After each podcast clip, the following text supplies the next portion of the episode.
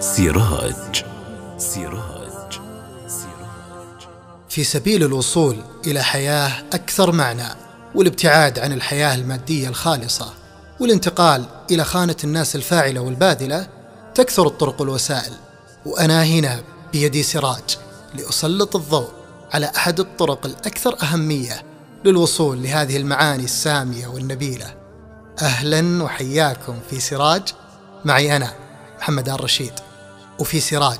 راح نسولف عن التطوع وكل ما يتعلق بالمتطوعين من مواضيع وأفكار وجهات. وبسم الله. سراج. سراج. سراج. من أجل الحصول على تجربة تطوعية ناجحة ومكتملة من جميع النواحي يجب على المتطوع معرفة وش الحقوق اللي يجب أن يحصل عليها ووش الواجبات والالتزامات اللي يجب عليه فعلها. ولان سراج موجه للمتطوعين بشكل خاص وما هو موجه للجهات اللي تدعم التطوع فراح نبدأ بالأمور اللي من حقك كمتطوع إنك تحصل عليها. وفي الحلقة القادمة راح نتكلم عن التزاماتك وواجباتك التطوعية.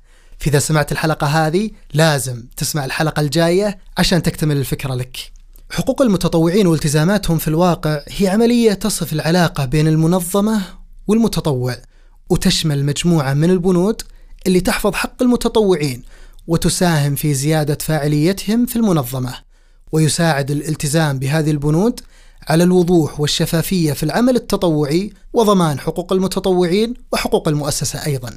وفي يناير الماضي وافق مجلس الوزراء على نظام العمل التطوعي واللي يتضمن حفظ حقوق المتطوعين ومنع أي منشأة من الاستفادة من أي عائد مادي تحت اسم العمل التطوعي. واشتمل القرار على إنشاء جمعية وطنية تحت اسم اللجنة الوطنية للعمل التطوعي تكون برئاسة وزير الموارد البشرية و11 ممثل من عدة وزارات وهيئات.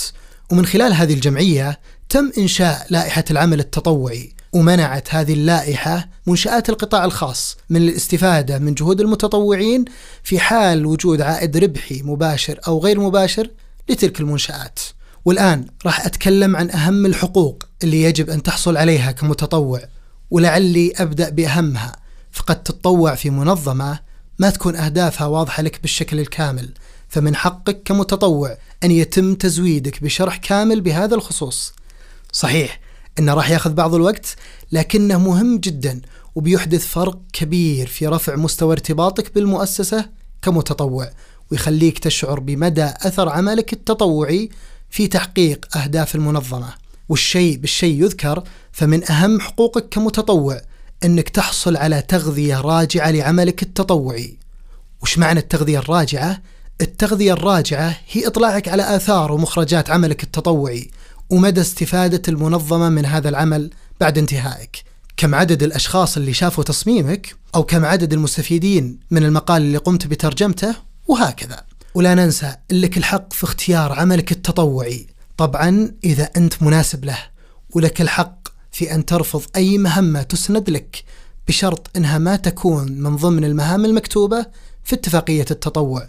وبالمناسبة احرص جدا على توقيع اتفاقية تطوعية توضح لك وش المهام الموكلة لك حتى ما يكون هناك عدم تفاهم في منتصف العمل التطوعي.